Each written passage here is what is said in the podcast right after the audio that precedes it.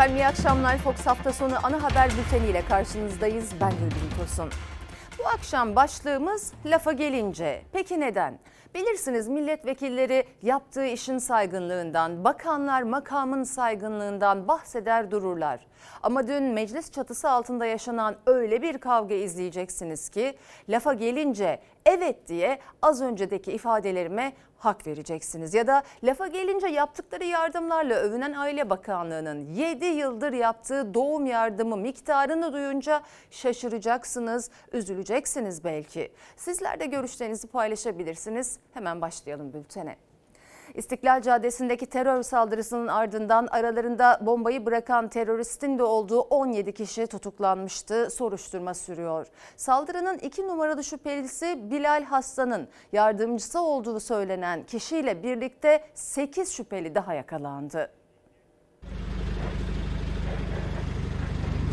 6 kişinin yaşamını yitirdiği 81 kişinin yaralandığı İstiklal Caddesi'ndeki terör saldırısının ardından gözaltına alınan 17 kişi tutuklandı. Soruşturma ise hız kesmeden sürüyor. 5'i Bulgaristan'da olmak üzere 8 kişi daha gözaltına alındı. Bulgaristan'da gözaltına alınanların 3'ü Moldova vatandaşı, ikisi ise Arap kökenli. Saldırının 2 numaralı şüphelisi terörist Bilal Hassan'ın yardımcısı olduğu söylenen kişi de Bulgaristan'da yakalananlar arasında.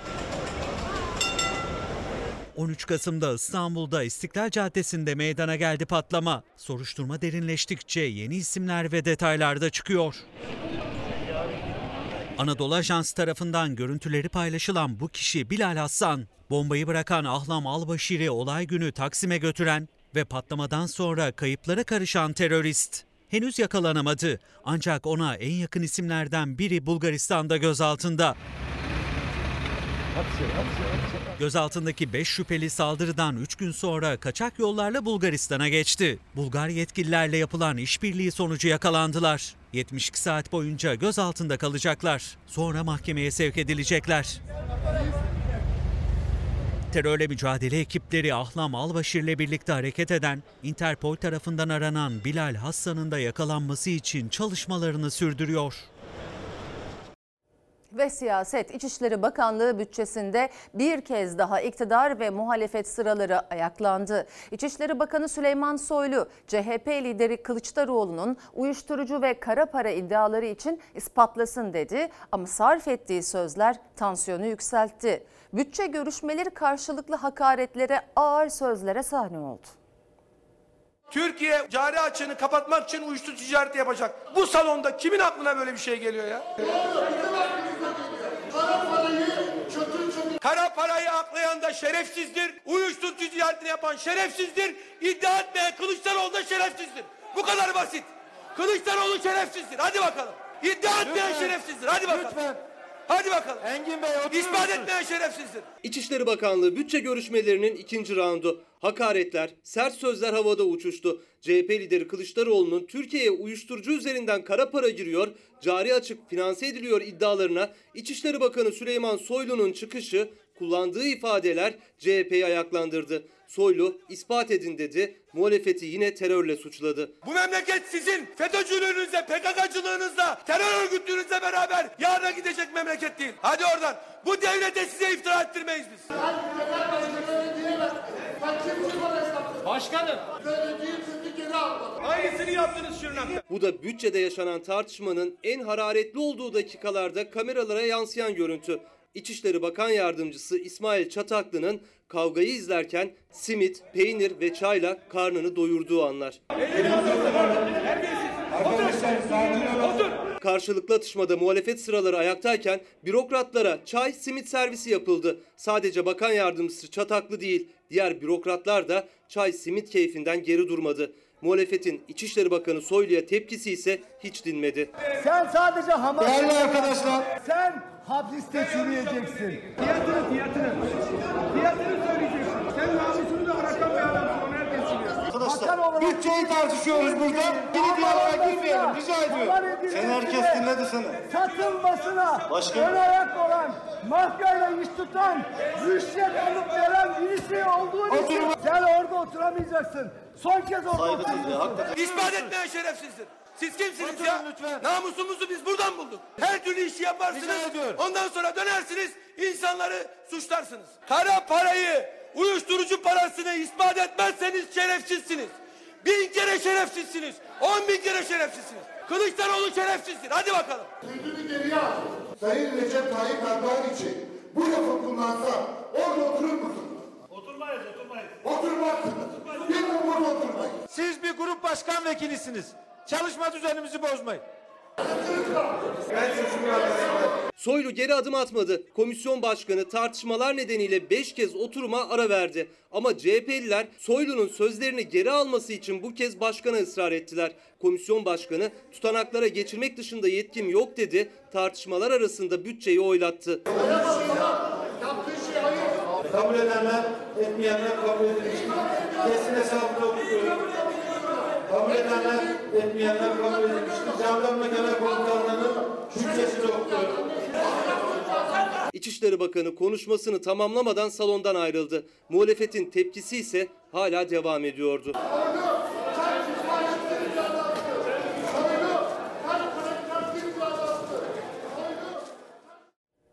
Yani ben bu görüntülere ne diyeceğimiz şaşırmış haldeyim. Kabul edilebilir bir durum değil. Zaten terörist, vatan haini gibi kavramlar ne kadar çok ve rahatlıkla kullanılmaya başlandı. Aklım almıyor. Hele ki meclis çatısı altında hem muhalefet hem iktidar vekilleri sokak ağzıyla bağırarak, el kol hareketleriyle tehdit ederek güya konuşmaları çok çirkindi. Bir şey de anlaşılmıyordu zaten küfürler dışında. Terbiye bitmiş. Biz vatandaş olarak utandık. Biz utandık sizin adınıza. Teşekkürler. Ya bakanın toplantı bitmeden salondan ayrılması. Ne anladık biz bu işten? Vatandaşa ne faydası oldu bu görüşmenin? Trajikomik tarafı ise bakan yardımcısı İsmail Çataklı ve diğer bürokratları izlediniz ve arkamda da görüyorsunuz hiçbir şey yokmuş gibi çay simit keyiflerini. Hele masaya dökülen kırıntıları titizlik ve sakinlikleriyle temizlemeye çalışmaları. Bravo, afiyet olsun sizlere de. Bir tane bile sakinleştirmeye çalışan aklı selim sahibi kişi görmedim. Durum içler acısı.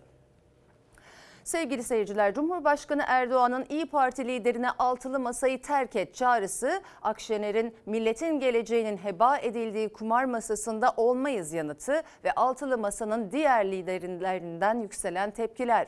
Cumhurbaşkanı Akşener'in kapıyı sert kapatmasına henüz bir ses vermedi. Ama siyaset hem Erdoğan'ın çağrısını hem de AK Parti'nin HDP ziyaretini konuşuyor. HDP eş genel başkanı Mithat Sancar iktidarı sahte manevra yapmakla suçladı.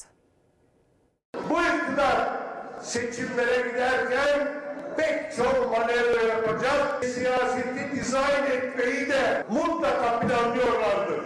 Biz kimin hangi manevrayı hangi amaçla yaptığını biliriz. İpin bunlarla aynı çizgiye düşmesi tabii düşündürücü. Temenni ederiz ki bunlar da bir dönüşüm yapmak suretiyle gerek bu masayı terk etmek gerekse milli ve yerli bir duruş sergilemek üzere konumunu yeniden gözden geçirir. HDP'ye de gidelim, İyi Parti'yi de çağıralım. Artık bu memleketi yönetemiyorum demenin bir tezahürüdür. AK Parti heyetinin HDP'nin kapısını çalmasından sadece bir hafta sonra Cumhurbaşkanı Erdoğan'ın İyi Parti'ye Millet İttifakı HDP ile birlikte konumunu gözden geçir diyerek yaptığı çağrı siyasetin gündeminde. HDP'den de AK Parti heyetinin kendileriyle kurduğu temas için sahte manevra çıkışı geldi. Kimse de bizi boş hamlelere kalacak gibi sakın düşünmesin. Her boş hamlenin, sahte manevranın nereye gideceğini de gayet iyi görüyoruz.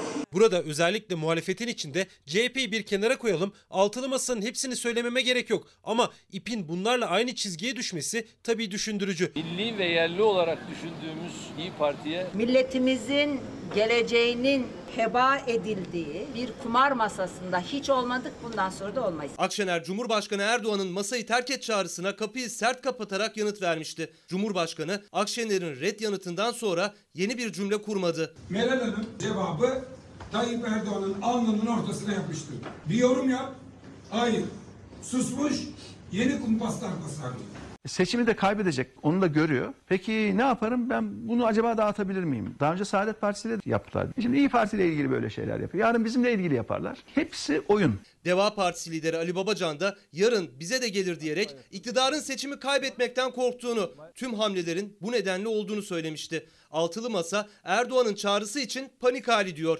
Cumhur İttifakı'nın HDP için tekrar kapatılsın, parlamentoda istemiyoruz sözlerini hatırlatıyor. Terör örgütüne eleman devşiren HDP'nin Türk siyaset ve demokrasi hayatında bir saniye yer almasına tahammül edemiyoruz. Türkiye Büyük Millet Meclisi'nde bölücü sima istemiyoruz. Terörist görmeye dayanamıyoruz. Gerçekten çözüme gidecek yolu açmak için kim hangi adımı şeffaflıkla atarsa buradayız, onu da konuşuruz. Müzakere edebiliriz, mücadele edebiliriz. HDP eş genel başkanı Mithat Sancar da iktidara şeffaf olun diyerek seslendi. Yıllar sonra kurulan temaslar, çağrılar siyasette yankı sürüyor. Sayın seyirciler, öğretmenlik meslek kanununun iptali için Anayasa Mahkemesi karar veremedi. Eğitim sendikaları da karar çıkana kadar sınav takviminin de durdurulmasını istedi ancak olmadı. Öğretmenler ilk kariyer sınavına girdi. Sendikalar bu durumun öğretmenler arasında ayrıma neden olacağı görüşünde. Kaç yıllık öğretmen? 20. 20 yıl sonra sınava gireceksiniz. Ne için? Birincisi statüsel. Yani bir ayrımcılık olacak buna maruz kalmamak. İkincisi ekonomik tabii ki. Siz niçin girme, girmek zorunda hissediyorsunuz bu sınava? Yani bunun tek açıklaması var. Tabii ki ücret için giriyorum. Ekstra ücret verileceği için uzman olanlara. E, Başka bir sebep yok. Böyle bir sınav dayatıldı. Ee, Biz de aslında ekonomik kaygılardan dolayı giriyoruz. Yani çok istediğimiz için değil. Öğretmenlik meslek kanunu meclisten geçtikten sonraki ilk sınav yapıldı. Öğretmenler karşı olsalar da girdiler sınava. Çünkü sınavı geçen öğretmenlerin ünvanıyla beraber maaşı da yükselecek. öğretmenlerin mesleki itibarını yok sayan, uzmanlık belgesi olan diplomasını yok sayan bir anlayış bugün öğretmenleri sıralara oturtarak sınava tabi tuttu. Bu belirsiz süreçte en azından kendimizi bir güvence altına almak istiyoruz. Ee, asgari ücre- ücretle maaşımız arasında küçük bir fark koymak istiyoruz en azından. Bu kez de okul önünde sınava girmek için bekleyenler öğretmenler. Çünkü öğretmenlik meslek kanunu Anayasa Mahkemesi'nde masada olmasına rağmen sınav iptal olmadı. Bu yüzden öğretmenler de mecburen okullara sınava girmeye geldiler. Çünkü bu sınavın sonunda alacakları kariyer basamaklarıyla kazanacakları ücrette de değişiklikler olacak. İşte bir öğretmen kucağında bebeğiyle birlikte sınav salonuna doğru ilerliyor. Sınava mı gireceksiniz? Evet. Peki bebek ne olacak? Son dakika emzireceğim. Kaç aylık? 5 aylık. Kaç yıllık öğretmensiniz? 12. 12 yıllık öğretmeni doğum izninde kucağında bebeğiyle sınava getiren de emekliliğine birkaç yılı kalan öğretmeni sınavda ter dökmeye mecbur bırakan da geçim sıkıntısı. Çünkü herkes gibi onların da alım gücü eridi. Maaşlarındaki her bir kuruş artışa ihtiyaçları var. Ben 20 yıllık öğretmenim. 11.200 lira alıyorum. Sözleşme öğretmen 9.500 lira alıyor. Ücretli öğretmen asgari ücretin altında maaş 5.200 lira maaş alıyor. Şimdi iki tane ayrım daha geliyor. Uzman ve baş öğretmenlik. Öğretmen odasında 5 tip öğretmen olmamalı diyoruz. Aynı işi yapan öğretmenler farklı ünvanlarda hiyerarşik olarak sıralanmış olacak. Ünvanlar arasında bir ücret farkı olmasa bu sınava girmeye gerek duyar mısınız? Düşünmezdim. En makul gerekçem şu anda o. Öğrencilerimiz uzman öğretmene giden, baş öğretmene giden, öğretmene giden, sözleşmeli ve ücretli öğretmene giden öğrenci olarak ayrı bir hiyerarşinin içerisine sıralanmış olacak. Yani eğitim ortamında yeni bir kast sistemi yaratılmış olacak. Günlerdir sınava karşı çıkan eğitim sendikaları sesini duyuramadı. İlk kariyer sınavı tartışmalar eşliğinde gerçekleşmiş oldu. Sınav sonuçları 12 Aralık'ta açıklanacak. Eğitim İş Sendikası Genel Başkanı Kadem Özbay'a göre bundan sonra velilerden öğretmenin ünvanına göre ek ücretler bile talep edilebilir. Çocuğunu uzman öğretmene göndermek istiyorsan şu kadar ücret, baş öğretmene göndermek istiyorsan şu kadar ücret diye bir talebin de oluşacağı görünmekte. Gördünüz, izlediniz. Çoğunun sınava girme nedeni ekonomik. Değdi mi? 20-30 yıllık öğretmenlerimizi sadece biraz daha fazla maaş için şu halleri düşürmeye. Zaten vereceğiniz 1000-2000 lira fark. Şu koşullarda kuruşa tabii ihtiyaçları ihtiyaçta duyuyorlar o ayrı. Sorular aşırı basit dediler. Şaşırmış çoğu. Hem israf oldu bence hem de yaşattığınız psikolojik sıkıntı var öğretmenlerde. Ha bir de gözlemciler vardı. Onlar da öğretmen tabii. Yaşı büyük, 30 yıllık kariyerin ardından sınava girip bir uzak bir yakın gözlüğünü takanlar varmış. Anayasa Mahkemesi'nin kararı da sınava yetişmedi. Bundan sonrası için sınav sisteminin iptali yönünde karar çıkarsa bambaşka bir karmaşa daha yaşanacak. CHP lideri Kılıçdaroğlu küçük yatırımcılara borsa uyarısı yaptı. Bazı şirketlerin değeri bilerek şişiriliyor dedi. SPK ve borsa yönetimine de seslendi.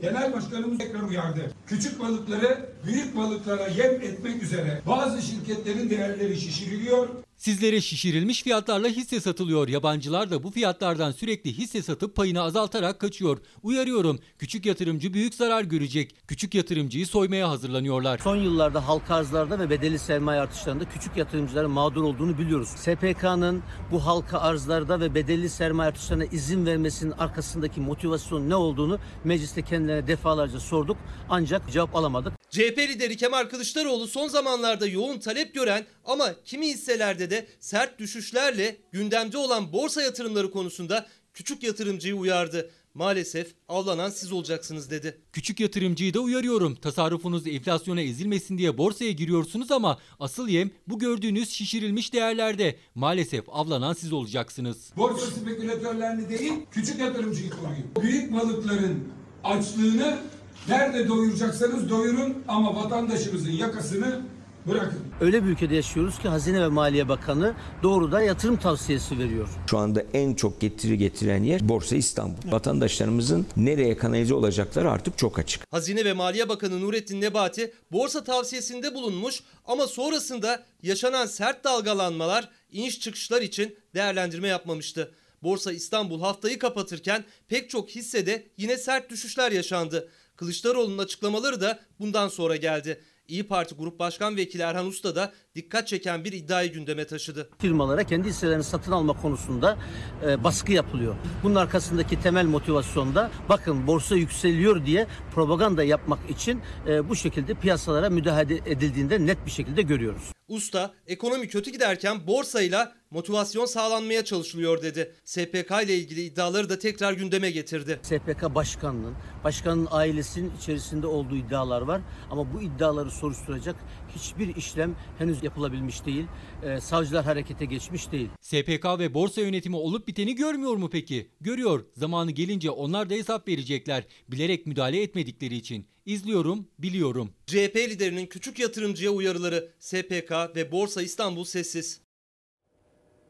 EYT'nin çıkmasıyla on binlerce kişi emeklilik hakkı kazanacak. İşverenlerse işten ayrılacak çalışanlarının kıdem tazminatını ödeyebilmek için formül arıyor. Türkiye Odalar ve Borsalar Birliği de Çalışma Bakanlığı'na EYT için endişe mektubu gönderdi. Yaşanacak sorunları ve çözüm önerilerini sıraladı. Emekli olsam çalışmaya gitmeyeceğim. 20 kişi çalışıyor şu anda. EYT'li var mı? 5-6 kişimiz var. Sadece bir ustamın 400 bin küsür. 5 kişiyle çarpsan en kötü 300 binlerden 1,5 milyon gibi bir rakamdan bahsediyoruz. İşverenler bunu ödemekten kaçmıyor bu arada. Onun altını çizeyim. Bunun yayılı gelmeyişi problem. Bir anda gelişi, birdenbire isteniyor olması problem. On binlerce çalışan EYT için son kararı büyük bir heyecanla beklerken patronlar endişelerini dile getirdi. Türkiye Odalar ve Borsalar Birliği de Çalışma Bakanlığı'na endişe mektubu iletti. O mektupta kademeli emeklilik de var, oluşabilecek kıdem tazminatı ve istihdam sorununa çözüm arayışı da. işveren açısından çok ciddi anlamda bir yük getirecektir. Zaten gıt kanaat götürdüğümüz işi tamamen sekteye uğratacaktır. Yani. EYT'liyim. Kim tutuyor, ya tutuyor, her şey tutuyor. İşte devlet eğer verirse hakkımızı alacağız. Tezgah alacak bir paraya emekliye vermek zorunda kalacağız. Hakkı ama sonuç olarak bu şirketin de belli bir giderleri, belli bir e, şeyleri var. Bizim burada tamam 11 kişi çalışıyor. Birden çıkacak ve de bunların mecbur kıdem tazminatları, ondan sonra emekli tazminatları, haklarının hepsini almak zorunda da, vermek zorundayız da. Endişelerin ilk sırasında yer alıyor kıdem tazminatı.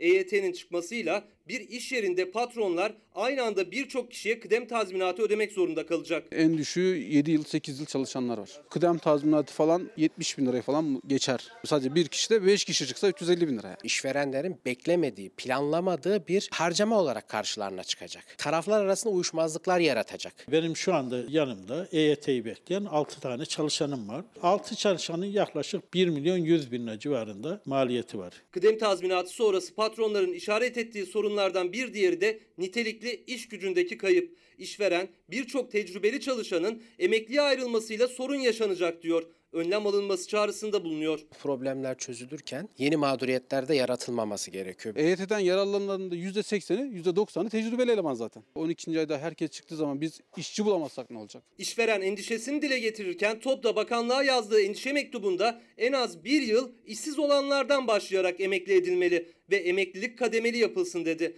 Kıdem tazminatı için de devletin finans imkanı sağlamasını istediler. Valla destek olarak bekliyoruz açıkçası ama bir buçuk milyonu bir seferde ödediğin zaman buradaki işçinin maaşını geciktireceğiz belki. Kredi iyi bir çözüm gibi duruyor. İşte işsizlik fonu mesela pandemide çok güzel bir şekilde kullanıldı amacına müesses bir şekilde. Burada da bu e, düşünülebilir. Ama sanki en hızlı çözüm yolu buna özel oluşturulan krediler. KGF kredileri olabilir. Bankalar bunu kredilendirebilir. İşvereni biraz daha rahatlatabilirler yani. İşverenler EYT için şartlı kredi, işsizlik fonu gibi çözümlerle bakanlığa seslendi. Gözler artık düzenlemenin detaylarında ve Çalışma Bakanlığı'nda.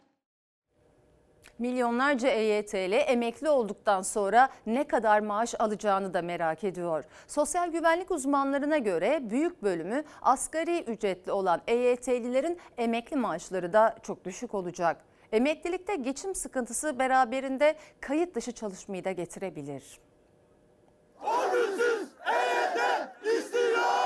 EYT'den faydalanırsanız çalışmaya devam edecek. Mecburi çünkü yetmiyor ki yani. Asgari ücret 5500 lira. Bir kira şu anda kaç para?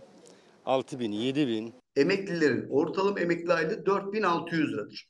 En düşük 3500. 2023 en erken Ocak'ta müracaatta bulundukları zaman 5000 5250 liraya çıkacağını düşünüyorum. 1,5 milyonun %75'i 5250 lirayla 7500 lira arasında bir emekli aylığı alacak yeni yılda. İnsanca yaşayabileceğimiz maaşlarla emekli olup sistemden çekilmek istiyoruz. EYT'liler emekli olup sistemden çıkmak istiyor ama mevcut sistemde alacakları maaş çok düşük olacak. Emeklilikte geçim sıkıntısına takılmak, emekli olduktan sonra da çalışmak istemiyorlar. Ama bunun için de emekli maaşlarının geçinebilecekleri bir seviyede olmasını talep ediyorlar. Çalışırken aylıkları en altta asgari ücret ve asgari ücrete yakın. Emekli olduğu zaman da devletin belirlediği en alt rakam, rakam ve o en alt rakama yakın milyonlarca kişinin emekli aylığı olacak. Bugün 30 yılın karşılığında bağlanacak olan emekli maaşları emekli maaşı değil, sosyal yardım niteliğinde bir maaş bağlıyorum diyor. EYT'lilerin bir kısmı işsiz ama yaşları nedeniyle yeni bir işte bulamıyorlar. Yoksullukla mücadele etmek zorundalar. Ne kadar zamandır işsizsiniz? Vallahi şokar hastalıktan önceden beri işsiziz. Bir türlü işe giremiyoruz. Kaç yıl? Pandemiden önce mi? Pandemiden önce. Şimdi giriyoruz yaştan takılıyoruz. Yaştan dolayı çok işe giremiyoruz. İş bulabilenlerin büyük bölümü ise ya asgari ücretli ya da asgari ücrete yakın maaşlarla çalışıyor. Yani emekli olduklarında alacakları maaş da en düşük emekli aylığı seviyesinde olacak. 3500 liralarla bağlanan emekli maaşıyla biz sürünür bir vaziyette olacağız. Şimdi en düşük emekli maaşını alsanız, üstüne bir de asgari ücretli çalışsanız yetiyor mu? Türkiye'nin şartlarına göre yine yetmiyor yani.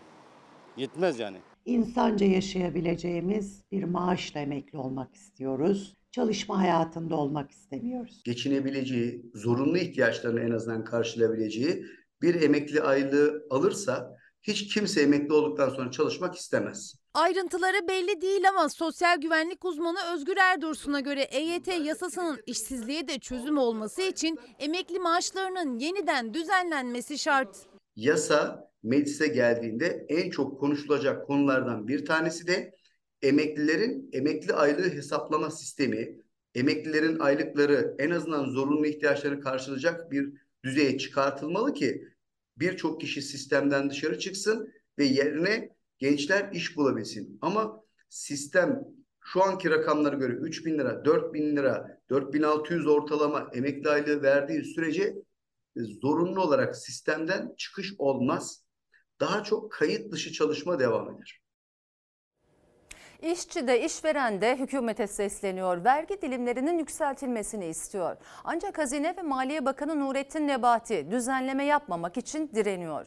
Türk İş Başkanı Ergün Atalay bugün bir kez daha bu sürdürülebilir, adil bir sistem değil. Bas bas bağırıyorum Nurettin Nebati duymuyor dedi.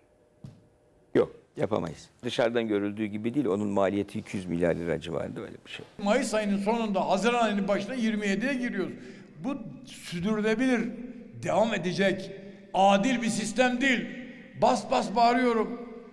Sayın Nebati duymuyor ya. Enflasyon %85'i aştı. Milyonlarca çalışanın maaşı artık vergi dilimine daha erken giriyor. Yani daha yılın yarısına gelmeden maaşları vergi kesintisine uğruyor. Çare vergi dilimlerinin yükseltilmesi. Bu haklı bir taleptir. Maliye ve Ekonomi Bakanımızla görüşmelerimiz var. Bu konuda önemli bir konu. Hazine ve Maliye Bakanı Nurettin Nebati'nin kapattığı kapıyı Çalışma Bakanı aralamıştı ama hükümet henüz harekete geçmedi. Türk İş ve Türkiye İşveren Sendikaları Konfederasyonu Cumhurbaşkanı Erdoğan'a mektup yazarak durumu anlattı. Erdoğan o mektuplara yanıt vermedi. Vergi gelirlerimizin oranı oldukça düştü. Aşağı yönlü herhangi bir çalışma yapmamız ya da vazgeçmemiz artık söz konusu değil. Nebati vergi dilimlerinin yükseltilmesinin hazineye 200 milyar lira maliyeti olacağını söylüyor. Uzmanlara ve sendikalara göre Nebati'nin hesabı doğru değil. İşçiden, memurdan yani ücretliden kesilen gelir vergisinin tamamından vazgeçseniz 160 milyar zaten. Nerede 200 milyar? Vergi dilimlerinin güncellenmesinin maliyeti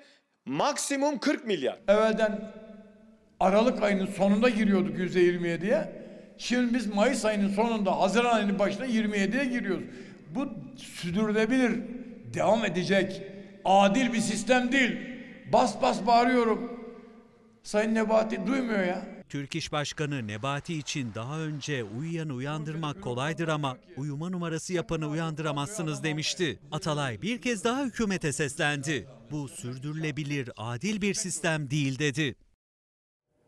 Gıda ürünlerine gelen zamlar cep yakıyor. Tüketici markete her gittiğinde daha yüksek fiyatlarla karşılaşıyor. Aradaki farkı eski fişlere bakarak görmek mümkün. Bir yılda geldiğimiz nokta vatandaşın gerçek gıda enflasyonunu açıkça gözler önüne seriyor.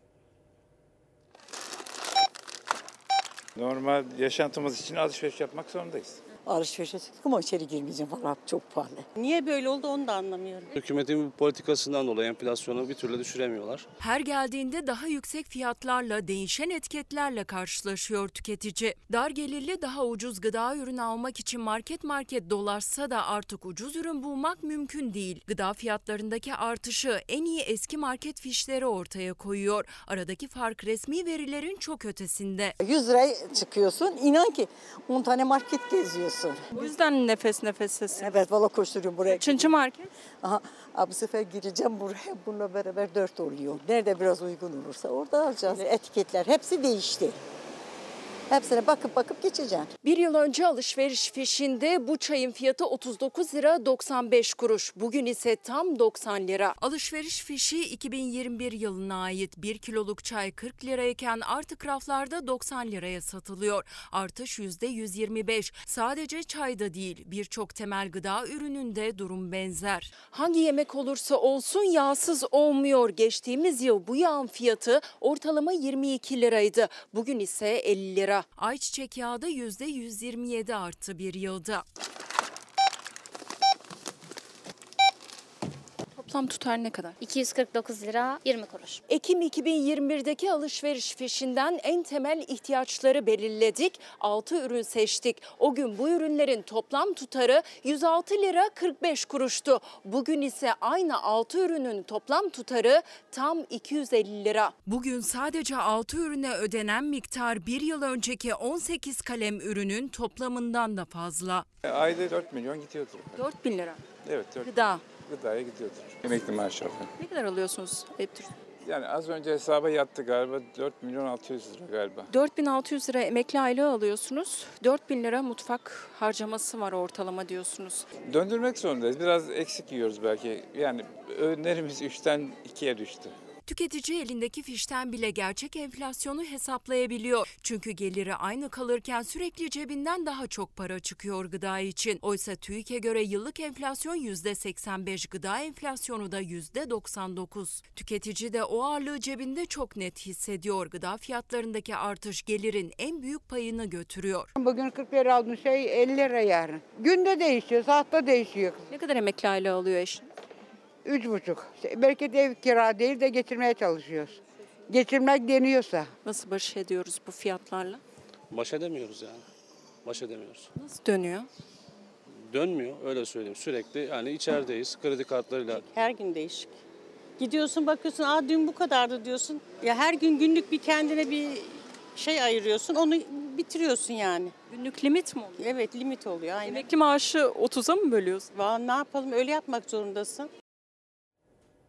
Lafa gelince etiketimize Mehmet Ali Bey firmalar kesilen cezaları zam olarak vatandaşlara yine kitlediler. Ee, üç harfli dediğimiz marketlerden birinden bahsediyor. Orada iki gün önce 54.90 olan peynir bugün 75.90 olmuş hayırlı olsun diyor. Efendim ev sahibi olmak artık daha zor. Türkiye'de ev fiyatlarındaki artış OECD ülkeleri arasında rekor kırdı. Asgari ücretlinin 100 metrekare bir evi satın alabilmesi için 40 yıl çalışması gerekiyor.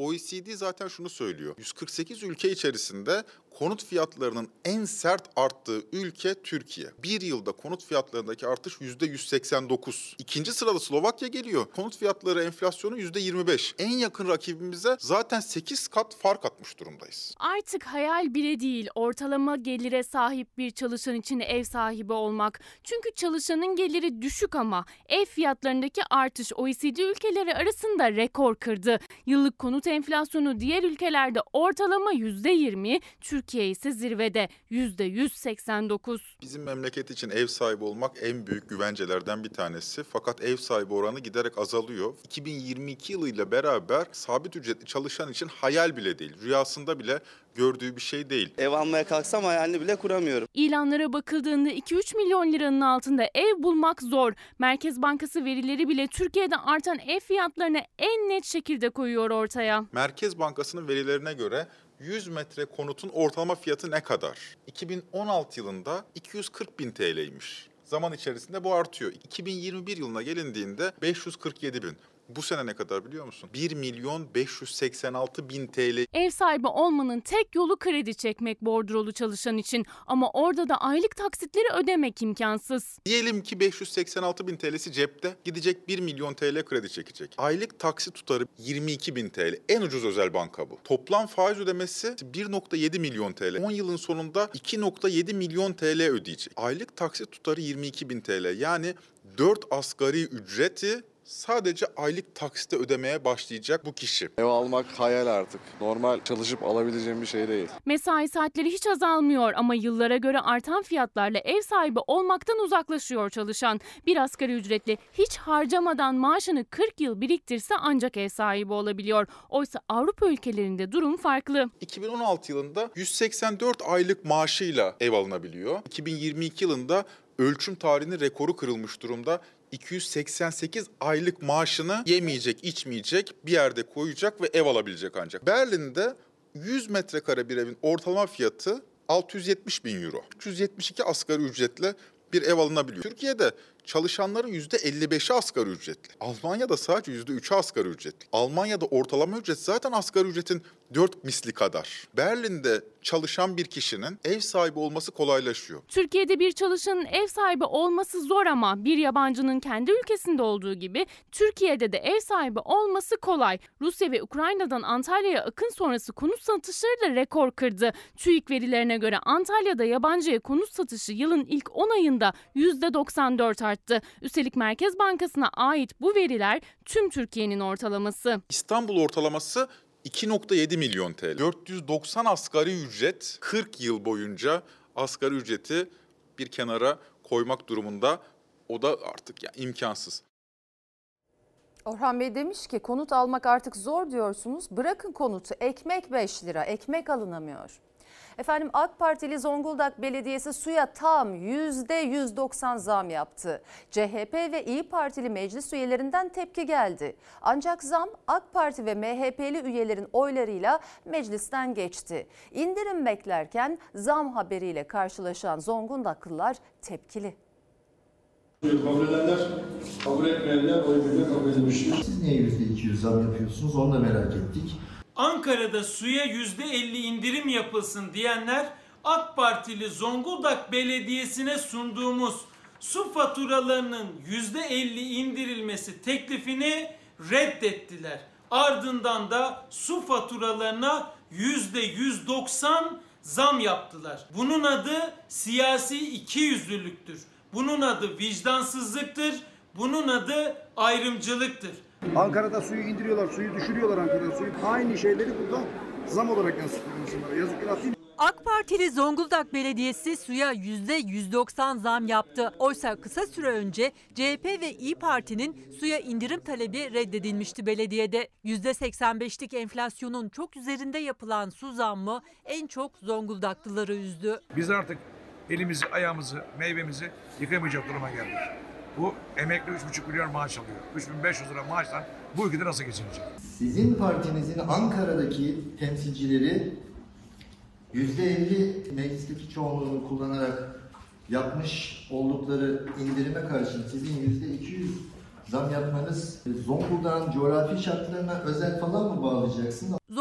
Belediyesi meclis toplantısının gündemi su zammıydı. CHP'li üyeler Ankara Büyükşehir Belediyesi'nde AK Parti ve MHP'li üyelerin oylarıyla suya yapılan %50 indirimi hatırlattı. Zonguldak'ta da aynı oranda indirim yapılmasını talep etti. İndirim bir yana Zonguldak'ta suya %190 oranında fahiş zam yapıldı. Biz Cumhuriyet Halk Partili belediye meclis olarak Sayın Mansur Yavaş'ın madem öyle Ankara'da yapılabiliyor yönündeki çağrısına kulak verdik ve biz de Zonguldak halkının e, su ücretlerinin %50 indirilmesi yönünde bir önerge verdik Zonguldak Belediye Meclisi'nde. Ancak AK Partili ve MHP'li üyeler CHP'li üyelerin o önergesini gündeme bile almadı. Zonguldak'taki su 3 kat arttırıldı. Mevcut rakamın 3 katına geldi. Bugün için e, örneğin ayda e, atıyorum 100 lira e, su faturası ödeyen bir insan e, bunu en az 300 lira ödeyecek. Tamamen e, halkın cebine e, el uzatan bir duruşta hiç sakınca görmediler. Vatandaşın maaşı 3 kat arttı mı ki su faturasını 3 kat pahalı ödemek zorunda kalıyor. Enflasyon yüzde 80 diyor, yüzde 200 zam yapıyorsun. E benim maaşıma yüzde 200 zam gelmedi ki ben 4 bin lira maaş alıyorum ya. Sadece konutlarda değil, iş yerlerinde suyun tonu da 9 liradan 26 liraya yükseldi. Zamlı tarife 1 Ocak 2023 tarihi itibariyle yürürlüğe girecek. Böyle bir zam olacak iş mi? Akıl kârı olacak bir iş mi? Böyle bir zamı hak ediyor mu bu insanlar? Ara tatilin son günlerinde çocuklarını gezmeye çıkaran aileler sokak lezzetlerinin maliyeti karşısında zorlandı. Çünkü artık dışarıda ekmek arası döner, lahmacun gibi bir öğle yemeği bile lüks oldu. 4 kişilik bir ailesiniz. Aynen. Ne kadar ücret ödediniz? 400. Aslında çok da bir şey almadık yani ortaya bir şeyler söyledik ama her şey çok pahalı. Tatillerinden beri bir kere çıktık. Köfte ekmek aldık. Bir tane de içecek. Ne kadar ödediniz? 72 TL ödedik. Biraz yüksek ama olsun. Nasıl geçti tatil? Mesela Sinemalar, tiyatrolar. Yok. Yani onu yapmaya kalk evin yolunu zaten bulamıyoruz. İyice bulamayız yani. Yani günlük 1 lira gözden çıkartman lazım. Sinemaydı, tiyatroydu. Sıkıntısı büyük ailelerin. Özellikle de ara tatilin son günlerinde. Değil sinema, tiyatro ya da başka bir aktivite bir öğlen yemeği bile zorluyor aileleri. Çünkü fiyatlar en uygun adreslerde bile çok pahalı. İhtiyaçlarımızı sıraya dizdik. İsteklerimiz değil. Çok şey istiyorlar. Her şey olmuyor tabii. Daha iyinin de sonu yok. Karşılamanın zaten imkanı yok. Biz bugün e, köfte yemeye karar verdik ama Ne kadar? 235. 50 gram isteyen var. Daha düşük isteyen var. Hatta bağlı bulan var. Alamayan var. Yemek fiyatları elbette adrese göre değişiklik gösteriyor ama şu anda bizim bulunduğumuz restoran aslında uygun fiyatları nedeniyle tercih ediliyor. Ama gelin görün ki burada da en ucuz yemeğin fiyatı 40 liradan başlıyor. 110 liraya kadar çıkıyor. Örneğin yarım ekmek bir köfte 40 lira. Yanına bir içecek almak istediğinizde bu fiyat daha da artıyor. Tüm kavurmam 80, yarım da 45 lira. Döner 60 lira 100 gramı. 120 70 150 90 lira. Tombul ayran olarak bulunuyor bizde 12 lira. Gönül her şey istiyor. Onlardan da istiyor ama biz bir şey karşılayamıyoruz işte maalesef. Ayı borçla kapatıyoruz. Bu sene her şey yüzde yüzün üstünde katlama yaptı. Hamburger fiyatları falan, bilet, e, sinema biletleri menüyle birlikte 100 olan da var. 200 olan da var. Yani bu tatilde biz evdeydik bir yere gidemedik. Geçen sene olsa bir haftalık tatilde gezmeye gidiyorduk. Bisiklet sürdüm, anneanneme ziyarete gittim. Köye, git, köye de gitmek isterdim ama işte gidemedik. Gönülden geçenler çocuklarının gününü güzelleştirmek isteyenler. Aslında bütün ailelerin amacı bu ama dışarıda bir öğün bile lüks diyor aileler. Kendimizden kısıyoruz, çocuklarımıza ayırıyoruz. 3 tane yarım et ekmek 210 lira civarında bir rakam ödedik. Yani bunu geçen sene 50 lira 60 lirayla kurtarırken şu anda 200 lira civarında bir rakam var. Sade bir öğle yemeğinin maliyeti bütçeyi çok aşıyor. Çünkü yemek yemenin maliyeti en az 3 kat arttı geçen yıla göre. İçinde et olan yemeklerde artış daha fazla. Fast food ile karın doyurmak isteyenler için de durum aynı. Hamburgerin maliyeti neredeyse 100 lirayı buluyor. Ki bir asgari ücretlinin günlük kazancı zaten 211 lira. Simitin fiyatı 5 TL oldu. Gerçekten simit için bile zorlanıyorlar. Simit 5 lira, yanına bir çay o da 5 lira. 4 kişilik bir aile etten uzak simitle karnını doyurmak istese bir öğünü 40 lira tutuyor. 4 kişilik aile geliyor 4 tane alıyor bir de ayran alırız. Bunu parkta yer karnımızı doyururuz gideriz. İnsanlar artık dışarıya çıkarmaya korkuyorlar. Devlet annelere her doğumda bir defaya mahsus doğum yardımı yapıyor. 300 liralık yardım 2015 yılından bu yana değişmedi. Aileler bu parayla ancak 6 günlük bez alabiliyor. Doğum yaptığım zaman bir kere yapıldı, başka yapılmadı. 300 lira hiçbir şeye yetmiyor. Mamaya yetmiyor, sütüne. En az en az 3 çocuk. En az 3 tane diyorum. 2015 Nisan ayından bugüne ödenen ücretlerde tek kuruş artış yapılmadı. TÜFE'ye göre bir güncelleme olsaydı e, muhtemelen alacağımız doğum yardımı 1254 TL olacaktı. Üç çocuk çağrıları yıllardır var ama tek çocuğa bile bakmakta zorlanıyor aileler. Çünkü masraf çok, destek yok. Devlet sadece bir kez doğum yardımı yapıyor anneye. O da yetersiz. 2015 yılında 300 liraydı. 7 yıl geçti hala 300 lira. E, TÜİ'nin resmi rakamlarına baktığınızda 2015 yılının Nisan ayında bir adet bezin fiyatı 45 kuruşa tekabül ediyormuş. Günümüz koşullarda bir bez alır yani. Belki bir süt alabilir, başka bir şey alamaz. Yapılan yardımla ancak bir haftalık bez alınabiliyor. Çünkü ortalama bez fiyatı 6 lira. 300 lirayla 50 tane bez alınabiliyor. Bu da bir bebek için 6-7 günde bitecek demek. Şu elindeki oyuncak bile 60 TL. Yeterli değil anneler için. Zaten bezi, maması, her şeyi çok zor. Önceki bezler kaç liraydı hiç? Ee, yedi buçuğa mama alıyorduk. Akşam bir markete gittim. 400 lira harcadım. Bugün 300 lira olan bir kutu mama 2015 yılında 25 liraydı. O gün devletten doğum yardımı alan bir anne 12 kutu mama alabilirken bugün aynı yardımı alan anne ancak bir kutu mama alabiliyor. TÜİ'nin verilerine baktığımızda 2015 Nisan ayında bir doğumun bedeli 9, e, 940 TL gibi e, açıklanıyor. Ama bugün baktığımızda normal doğumun fiyatının 20 bin TL'lere vardığını görüyoruz. Oysa Avrupa ülkelerinde durum farklı. Sabri Ziltak ve eşi Krista Ziltak Avustralya'da yaşıyor. İkisi de öğrenci bebekleri 6 aylık doğumdan beri sorun yaşamadılar. Çünkü bebeklerini büyütmek için her türlü desteği alıyorlar. Avustralya'da çocuğum doğdu. Oradaki yaşam şartları ve standartlar bizi her şekilde yetiyor. Her türlü desteği sağlıyorlar. Çocuk yardımı yapıyorlar, mama yardımı yapıyorlar. İlk onu almıştım ilk doğum yardımı. 300 müydü en ucuz bez şu an 200 lira.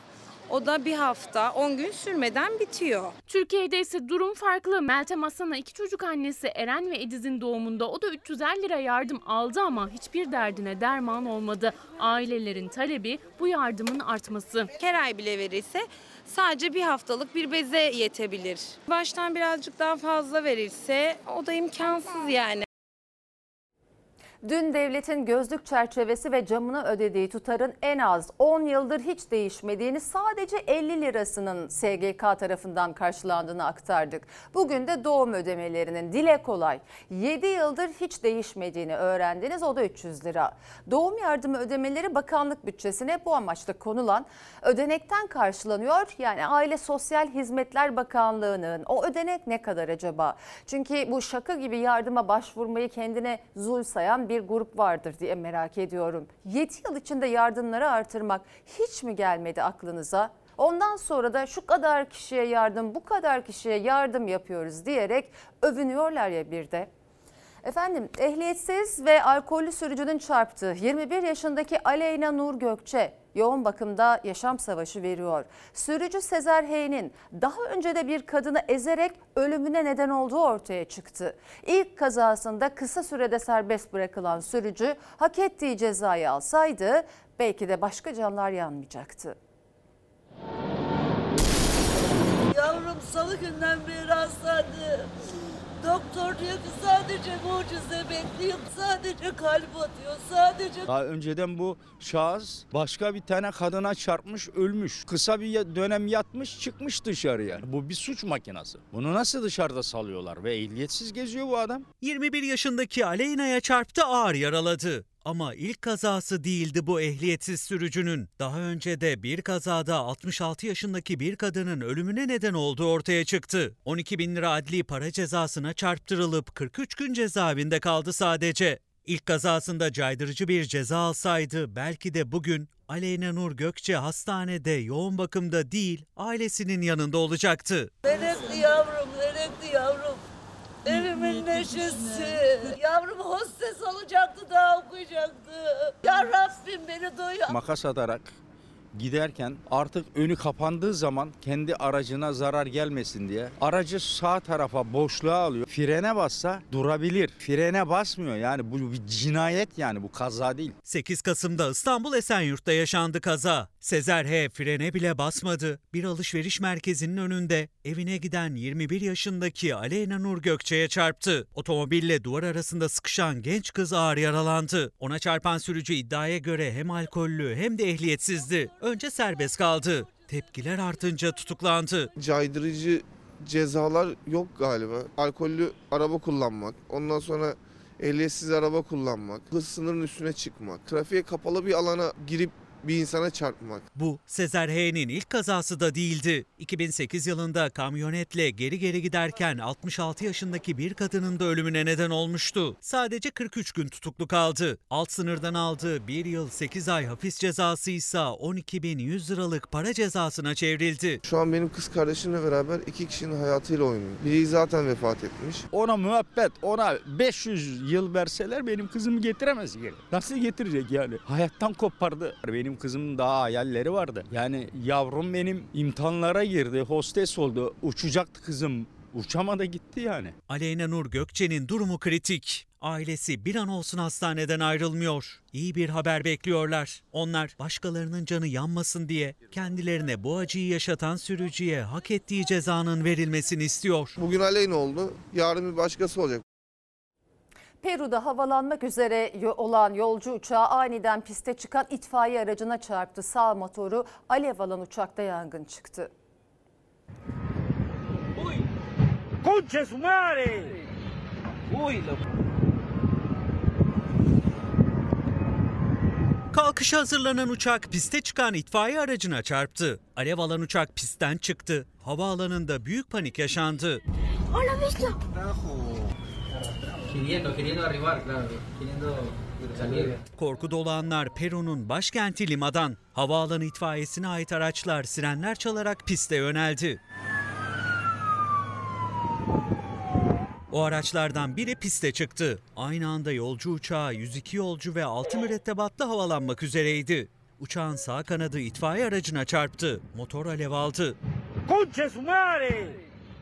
Uy, lo cagaron. Uçak pistte metrelerce sürüklendikten sonra durdu. Mürettebat yolcuların acil tahliyesine başladı. İtfaiye ekipleri de alevlere müdahale etti. Yangın kısa sürede söndürüldü. Havaalanında korku dolu dakikaların yaşanmasına neden olan olayda itfaiye aracındaki iki görevli öldü. Yetkililer uçakta 20 kişinin yaralandığını, ikisinin durumunun ciddi olduğunu açıkladı. İtfaiye ekibinin piste neden girdiği ile ilgili bilgi verilmedi. Efendim hafta içi Cumhurbaşkanı'nın sokak hayvanları ile ilgili açıklamasını biliyorsunuzdur ama bu konuda uzmanlardan uyarı var. Köpek ve kediler için yaban ve ormanlık alana yaşam alanları yapılmasının kuduz hastalığında patlamalara sebep olacağı akademisyenlerce uyarılan bir tehlikedir. Çünkü yaban hayatta bulunan kuduzla insanların ve evcil türlerin enfekte olmasına açıkça fırsat verilip kuduzun şehre gelmesine imkan sağlanmış olur diyorlar. Düzenli aşılama ve kısırlaştırma şarttır ve Cumhurbaşkanı'nın bu konuda sağlıklı bilgilendirilmediği ortadadır. Efendim şimdi araya gidiyoruz. Fox hafta sonu ana haber bültenini burada noktalıyoruz. Fox'ta yayın Darma Duman'ın yeni bölümüyle devam edecek. İyi bir akşam geçirmenizi diliyoruz. Hoşçakalın. bir tek dostuma her köşesi